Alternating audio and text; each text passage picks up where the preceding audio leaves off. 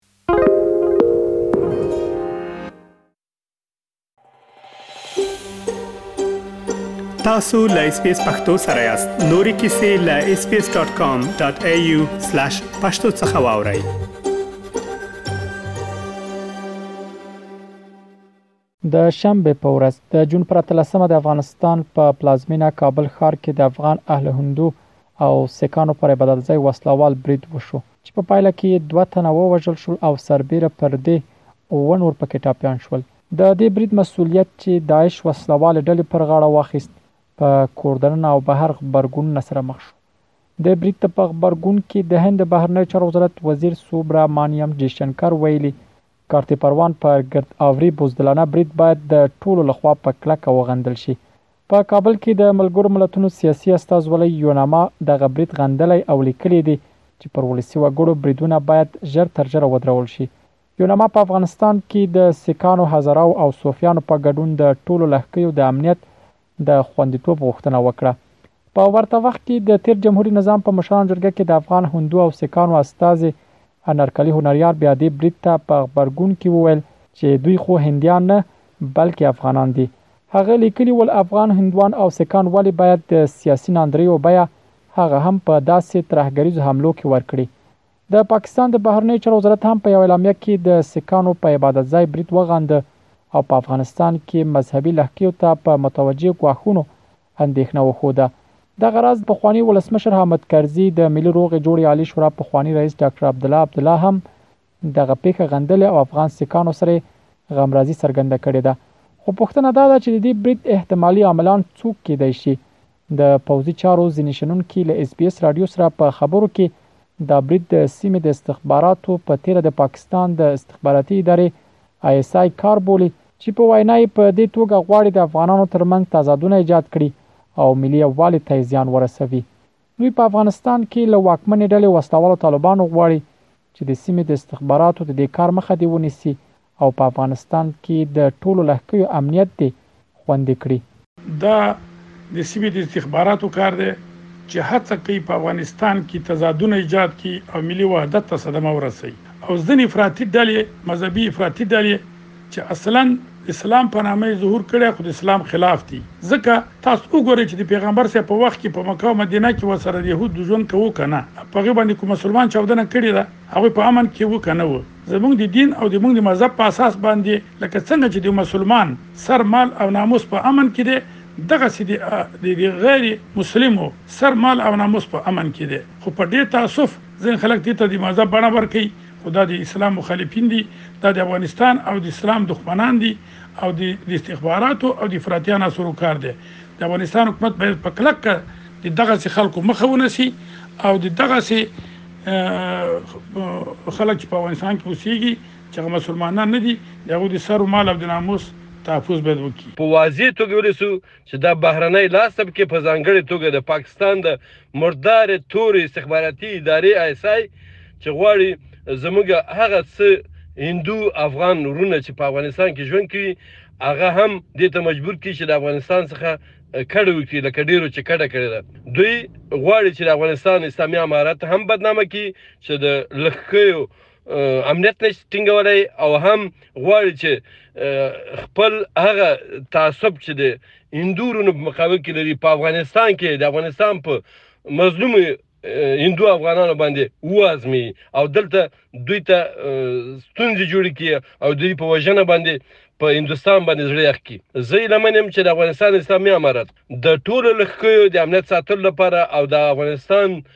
د خلکو په منځ کې د ملي وحدت او ملي یووالي د لاسته راوړلو لپاره ګړندۍ هلې ځلې وکړي او پرې نه دي چې دغه زموږ ګاونډیان او بهرنیان په افغانستان کې خپل نیابتي جګړه راولي او زموږ افغانان یو ځل بیا د جګړو لمبو ته ورټیل وي بل لور ته یو شمېر افغانان هم دا برید په کلکه غندي او د پیښې له قربانیانو سره یې خواخوږي کوي دوی پر مذهبي لښکیو او اماکنو د ورته بریدونو دوام ته په اندېښنې سره د وسله والو طالبانو له سرپرست حکومت څخه غواړي چې په افغانستان کې دې د ټولو قومونو د امنیت د ټینګښت په پار لاس په کار شي او د ورته بریدونو مخه دې ونیسي. په افغانستان کې پر مذهبي لږکیو او پر مذهبي اماکنو باندې وسله وال بریدونه د دې ټولو بشري اصولو خلاف کار دی. زموږ غوښتنه له حکومت څخه دغه ده چې په راتلونکي کې د دغسې وسله وال او خونړیو بریدونو مخه ونیسي او اجازه ورنکړي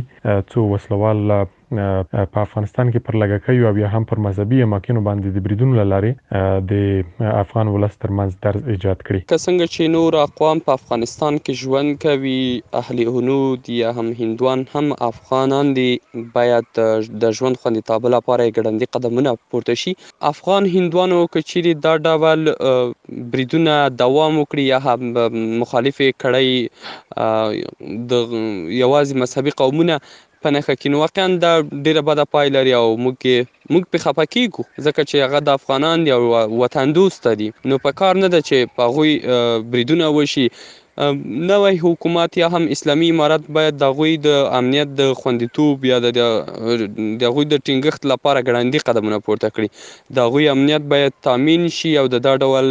بریدونو مخنیوی دې وشي. پر افغانستان د طالبانو له واکمنېدو وروسته دا لومړی برید و چې د هندوانو او سیکانو پر عبادت ځای ترسره کېږي. د طالبانو له واکمنۍ مخکې هم په کابل او یو شمېر ولایتونو کې پر دغو لهکیو سخت خونړي بریدونه شوي چې له امله یې د دې مذهبي لهکۍ ګڼې کورنۍ د هندوستان په شمول د نړۍ ځینو هیوادونو ته ګډه شوي.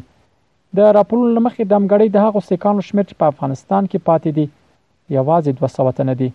له دې برید وروسته هندي رسنیو د دې هیواد د بهرنیو چارو وزارت له قوله راپور ورکړ